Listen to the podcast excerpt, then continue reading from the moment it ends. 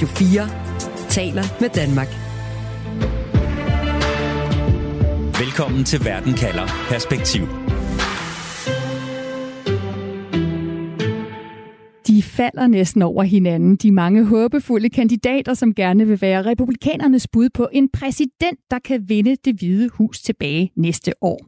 Den første, der annoncerede sine præsidentdrømme, det var selvfølgelig ham her. In order to make America great and glorious again, I am tonight announcing my candidacy for President of the United States. Og selvom Donald Trump han har føretrøjen på, så er der masser af andre, der håber at kunne vippe ham af pinden. Alene i denne uge har tre kandidater meldt sig som udfordrer til den tidligere præsident Trump, heriblandt Trumps egen vicepræsident Mike Pence.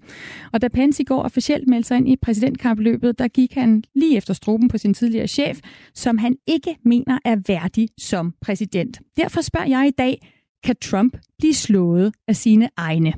Jeg hedder Stine Krohmann Dragsted. Velkommen til Verden kalder perspektiv, hvor jeg stiller et spørgsmål, der giver dig perspektiv på verden omkring os, og på 30 minutter giver dig svar. Du lytter til Radio 4. Lad os kigge på, hvem der har meldt sig på banen. Vi kender nogle af navnene ret godt efterhånden. Floridas anti-woke og stemmeslugende guvernør Ron DeSantis, og så Trumps egen vicepræsident Mike Pence, som jo altså måtte flygte, da vrede Trump-vælgere stormede USA's kongres og satte en galje op, hvor de troede med at ville hænge Pence efter, efter sidste valg. Men øh, feltet er faktisk meget bredt. Indtil nu har 12 republikanere meldt deres kandidatur. Det tæller også en kvinde, nemlig Nikki Haley, South Carolinas tidligere guvernør, og også den tidligere guvernør i New Jersey, Chris Christie. Mads Dalgaard Madsen og Anne Alling, velkommen til Verden kalder. Tak skal du have. Mange tak. Altså Mads, tidligere indrigspolitisk rådgiver på den danske ambassade i Washington D.C., og Anne Alling, som er journalist i USA og med os fra Nashville i Tennessee. Mads, nu sagde jeg et bredt felt, og 12 det er bredt, men hvor bredt er det egentlig politisk? Altså hvor forskellige er de her mange kandidater, som ikke er Trump?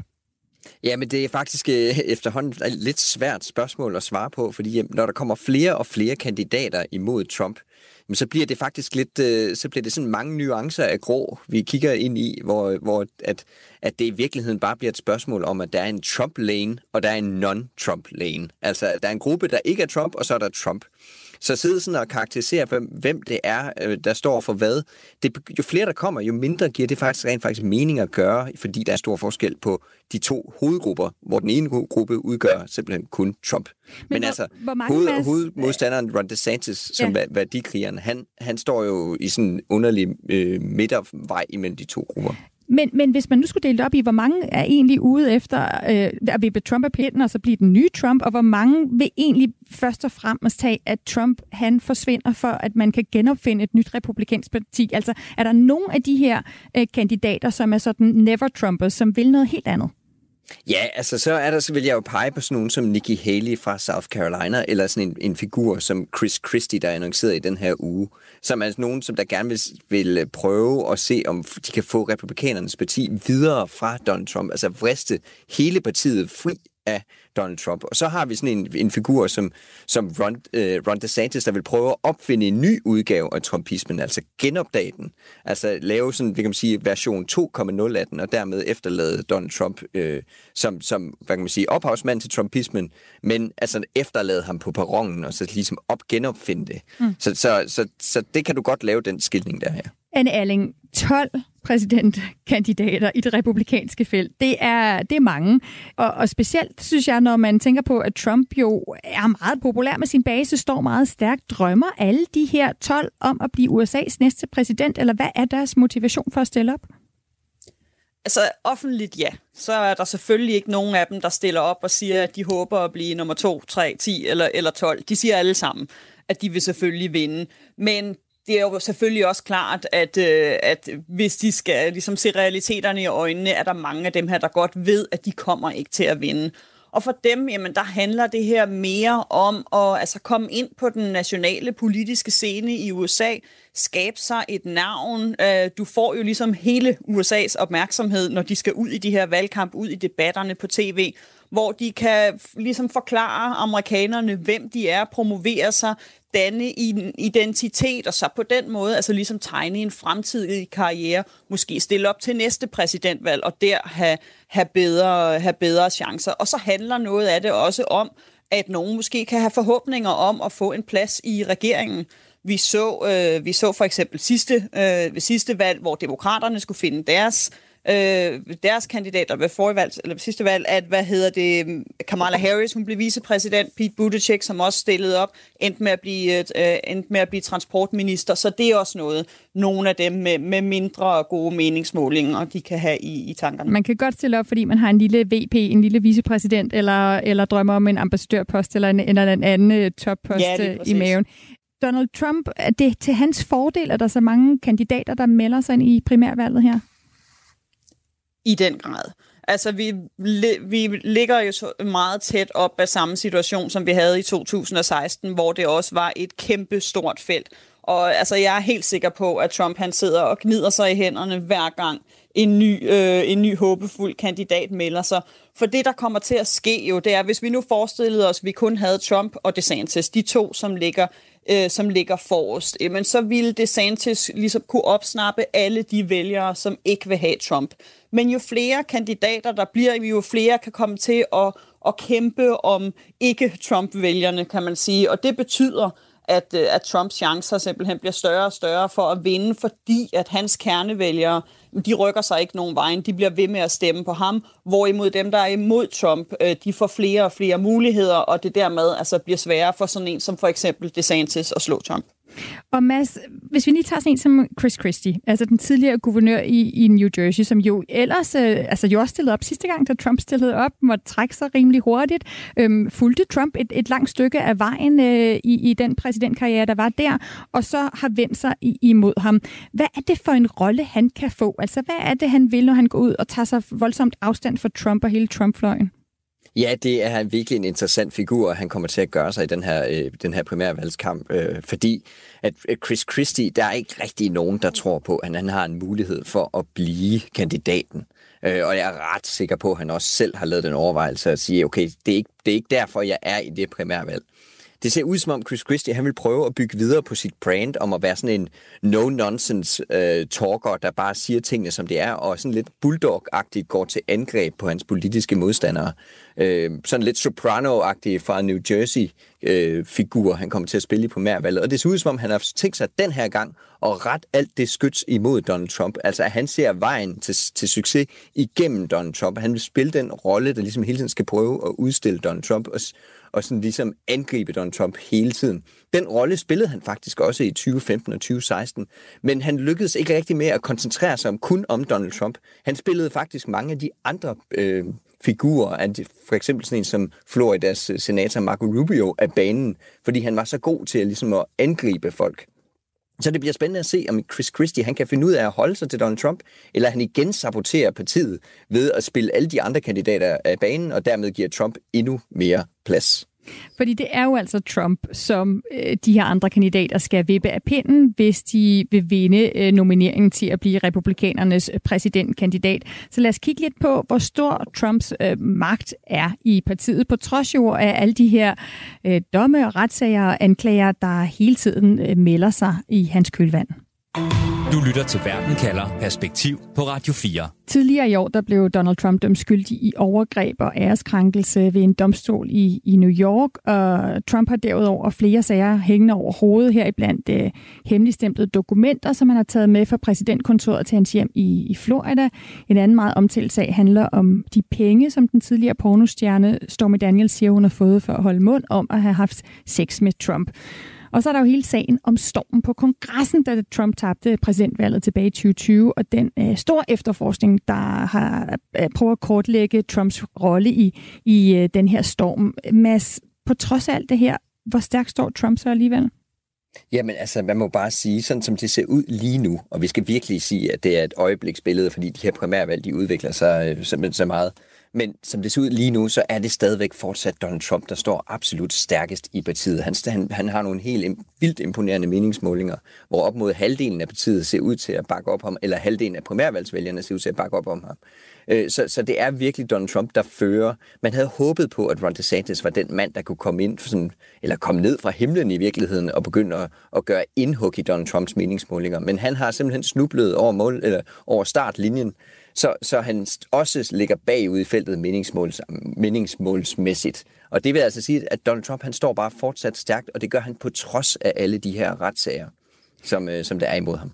Og Anne Alling, øh, og det er jo alligevel øh, på trods af, at der er øh, igen overskrifter ikke øh, de her dage om, at nu kan der være endnu en stor efterforskning på, øh, på vej. Altså, hvad siger du, hvis der, hvis der kommer mere af de her efterforskninger, eller måske endda falder flere domme, måske mere alvorlige? Er det noget, der kan få betydning, eller er han bare urørlig? Altså, jeg tror i hvert fald ikke længere på, at der er nogen som helst sager, der kan få betydning for hans, altså for hans kernevælgere.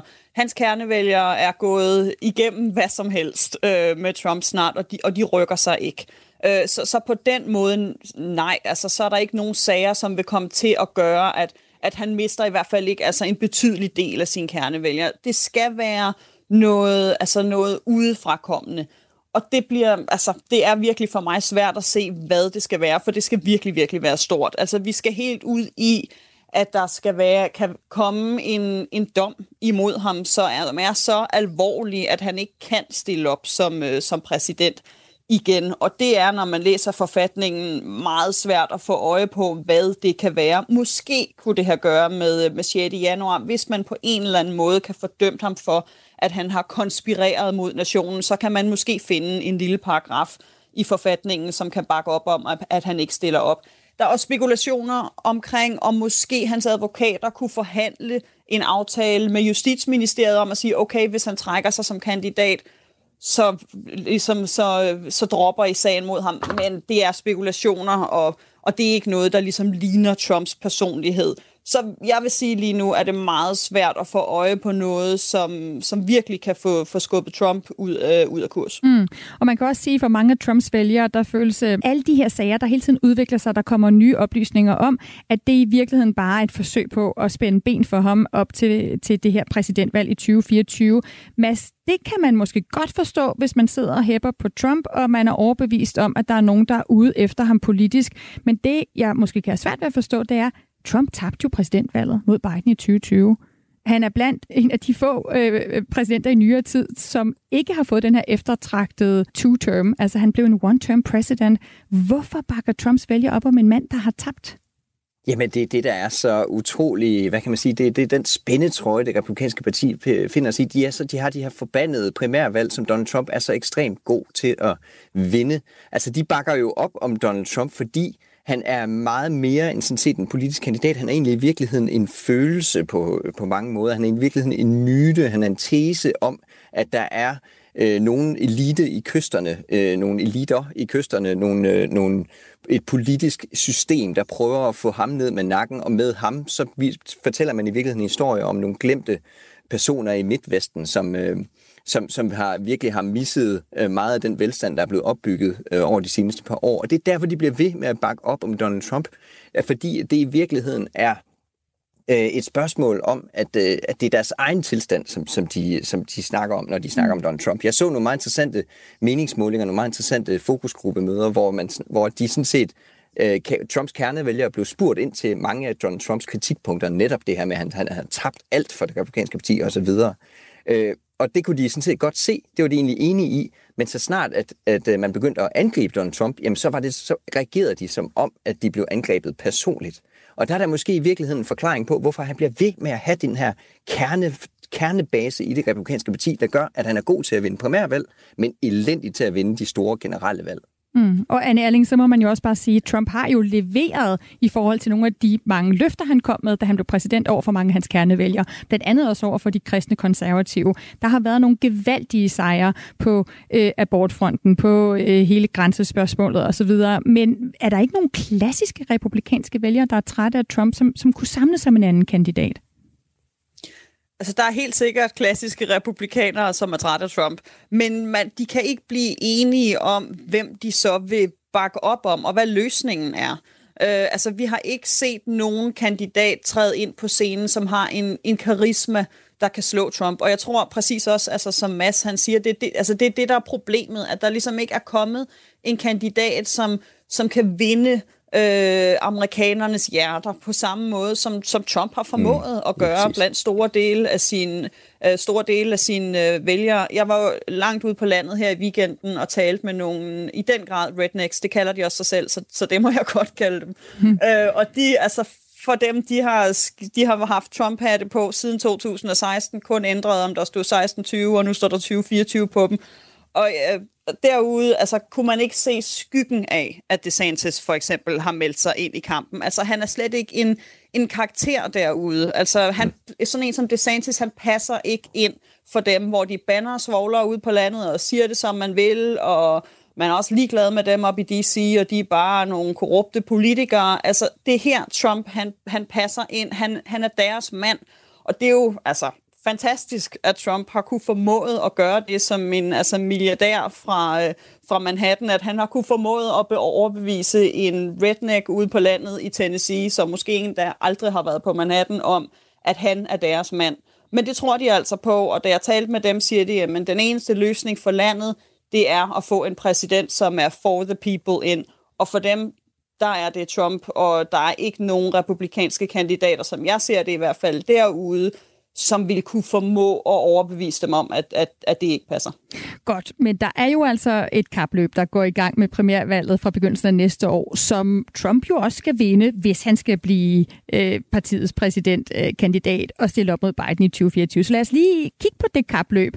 Altså, hvad går det ud på, og hvem er det egentlig, der bestemmer, hvem der skal være partiets præsidentkandidat? Radio 4 taler med Danmark.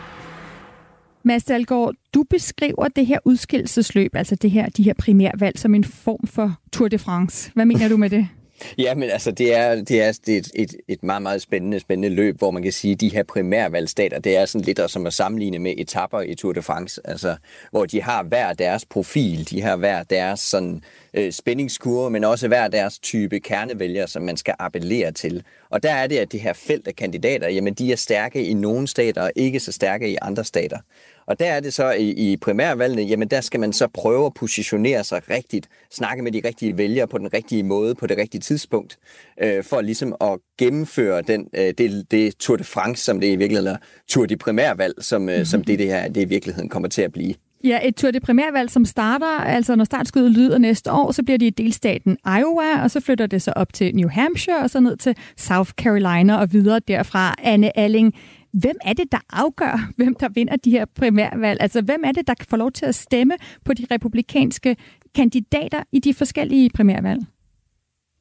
Mm, alle kan i, kan i princippet stemme, men det, som vi altid ser ved primærvalgene, det er, altså, det er dem, der ligesom er mest politisk engageret, og i, i republikanernes primærvalgs øh, tilfælde er det oftest, altså tit dem, som måske er er mere konservative, der, der kommer ud og stemmer. Altså dem, som er, er mest engagerede, og heriblandt altså mange af Trumps vælgere, øh, som, som, som kommer ud og stemmer. Men hvis vi for eksempel ser på, på Iowa, Iowa er en, primært en meget hvid øh, delstat, den er også meget konservativ, den er også meget kristen konservativ. Og det er noget, som for eksempel Mike Pence, han altså lige nu forsøger virkelig at, og, og gøre til sin fordel. Altså Pence, han øh, identificerer sig som, som evangelisk kristen og har en meget, en meget kristen konservativ profil. Og han prøver altså lige nu ihærdigt at udnytte det op i Iowa ved at tale med de lokale kirker, som har en enorm indflydelse på, på ligesom den, den offentlige mening og commun, altså kristne communities i, i Iowa. Så, så han er en, som prøver ligesom at udnytte det altså den særegenskab ved Iowa til, til sin fordel. Nikki Haley, hun er fra South Carolina, så hun vil helt sikkert også forsøge at bruge det til sin fordel i, i South Carolina. Så man bruger ligesom hver enkelt delstats egenskaber til at, at pinpointe kampagnen, for at forsøge, om man ikke ligesom kan blive unik og, og få en unik øh, interesse i hver enkelt delstat. Og Mads, ja, hvorfor er det så vigtigt at starte godt ud? Altså, ja, vi, vi har jo set før, at, øh, eller vi har i hvert fald set med for eksempel Joe Biden, som vandt præsidentvalget sidste gang, at, øh, at der var flere, øh, som ligesom havde dømt ham ude, øh, fordi han bestemt ikke klarede sig godt, hverken i Iowa eller i New Hampshire. Vi skulle helt ned til øh, South Carolina, før der skete noget. Hvad, hvad er det, der er så vigtigt ved at starte godt ud? Jamen det er simpelthen det, det er de her tre allervigtigste stater. Det er de tre første. Dem skal man have en eller anden form for succes i for at få momentum for at være den der vinderkandidat, for at få medvind til at kunne komme længere ud sådan nationalt og vinde de resterende primærvalg, som kommer til at være det bredere, øh, på, i sådan det bredere amerikanske valgkort. Og den største af dem, det er den store dag, der kommer efter de første tre øh, valg, som hedder Super Tuesday, hvor langt de fleste af de andre stater har, stater har deres primærvalg.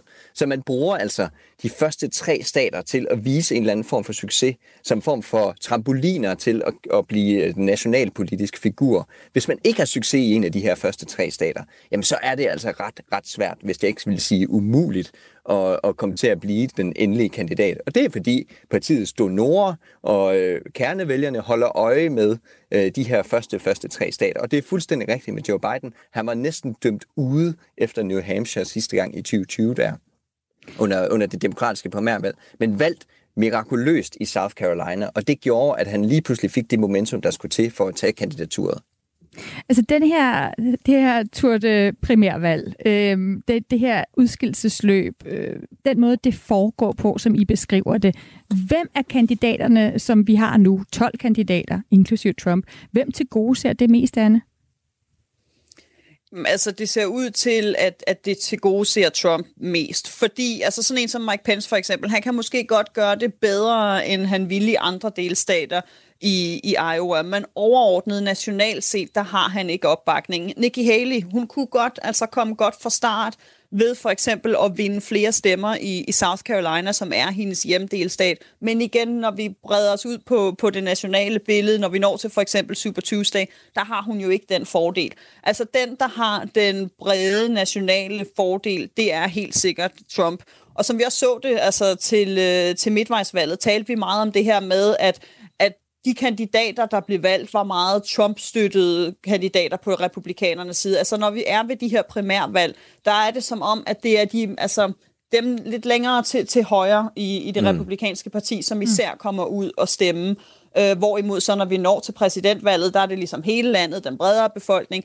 Men Trump han har fordelen ved de her primærvalg, at han virkelig kan få, få gejst i sine vælgere, få dem ud hvor det er sværere for, for de andre øh, kandidater at have så bred øh, national en opbakning. Mads, jeg vil også gerne lige nå at spørge dig, hvad med det republikanske parti? Man står med en kandidat, som har tabt sidste gang. Hvorfor har de ikke magt til at sige, som man vil have i Danmark? Altså, Trump, han har for stor en risiko at løbe. Vi vil hellere have en anden kandidat.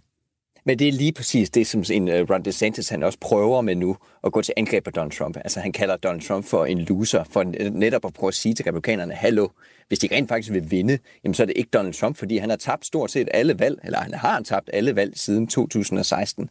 Men Donald Trump igen, som Anne Alling meget godt beskriver og har beskrevet rigtig, rigtig godt, så er Donald Trump bare måske en bredere nationalpolitisk figur, på mange måder en følelse, der mm. har grebet det republikanske parti, måske har taget det republikanske parti som gissel, som rigtig, rigtig mange i Washington, republikanere i Washington, forbander, fordi de kan godt se, at det her det er en dynamik, der gør, at Donald Trump han vinder primærvalg, men han er simpelthen så dårlig til at vinde de her generelle valg. Han er, han er god til at trække partiet ud til højre, men han kan ikke rigtig trække det ind på midten, der hvor man skal være for at vinde de her præsidentvalg. Og det er den, simpelthen det problem, republikanerne har stået i under Trump-tiden.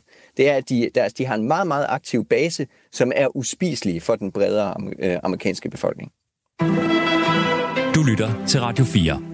Så vi står altså med 12 republikanske politikere, der kæmper om at blive øh, præsident af republikanernes øh, præsidentkandidat, inklusiv Donald Trump. Og jeg kunne godt tænke mig til sidst her at få jeres konklusion på dagens spørgsmål. Kan Trump blive slået af sine egne? Anne Alling? Nej, det tror jeg ikke, og jeg skal selvfølgelig passe på med at være alt for skråsikker, men, men jeg vil sige, jeg, tro, jeg havde troet på, at det kunne lade sig gøre for, for nogle måneder siden, inden DeSantis, han, øh, altså han offentliggjorde, at nu stillede han op. Da DeSantis stadigvæk var denne her vinderguvernør i Florida, og vi talte som ham som den største modkandidat, der kunne jeg se et potentiale i, at republikanerne fandt denne her alternative stærke kandidat. For det er det, der skal til. Altså, at der er en, der kan slå Trump på personligheden. Men som vi lærer DeSantis mere og mere at kende, og som han kommer ud ja. på kampagnesporet, der ser det altså bare ikke ud som om, at, at han kan trække den personlighed. Altså, han, han, virker, han virker ikke som en personlighed, der, der kan slå Trump. Så, så jeg ser i hvert fald ikke lige nu mm. nogle kandidater være i stand til at slå Trump. Hvis, det ikke kan, hvis Ron DeSantis ikke kan gøre det, Floridas guvernør, så ser det ikke ud som om der er andre, der kan gøre det. Hvad siger du, Mads? Kan Trump blive slået af sine egne? Jeg vil være meget, meget enig med Anna Alling i, i den her analyse, men også tage ekstremt store forbehold, fordi hvis man har fuldt primærvalg så mange gange, så mange år som jeg har, så ved man, at det kan ændre sig virkelig, virkelig, virkelig meget. Men som dynamikken er lige nu, jamen så vil jeg også sige, at der skulle have været en stor kandidat til at vippe Donald Trump, Trump af pinden. Og den figur skulle nok have været Ron DeSantis, men han har virkelig udviklet sig til at være Ron Disaster. Så det er svært at se, hvad det er for en figur, det er, der skal ligesom komme op foran i feltet og overhale Donald Trump. Så derfor vil jeg sige, at hvis det ikke skal være Donald Trump, jamen så hvis der er nogen, der skal slå Donald Trump, så er det i virkeligheden ham selv. Mm. Og det er nok via de her retssager, hvor det på en eller anden måde går, bliver så absurd, øh, og, og på en eller anden måde spiller ham og banen sådan rent juridisk, der gør, at de, det bliver en anden kandidat for republikanerne. Men som dynamikken er lige nu, så er det svært at se, hvad dem, der sådan rent politisk skal slå Donald Trump i primærvalget. Tak for den analyse, Mads Dahlgaard Madsen, tidligere indrigspolitisk rådgiver på den danske ambassade i Washington. Det var slet. Og også tak til dig, Anne Erling. Velbekomme. Altså journalist bosiddende i Nashville, Tennessee i USA. Og uanset hvad der sker, så husk at du kan få svar på et afgørende spørgsmål lige her i Verden kalder med mig, Stine Krohmann Dragsted. Det er mandag og torsdag, at vi sender live, og øh, du kan jo altid lytte til Verden kalder, lige når du har lyst som en podcast. Du har lyttet til en podcast fra Radio 4. Find flere episoder i vores app, eller der, hvor du lytter til podcast.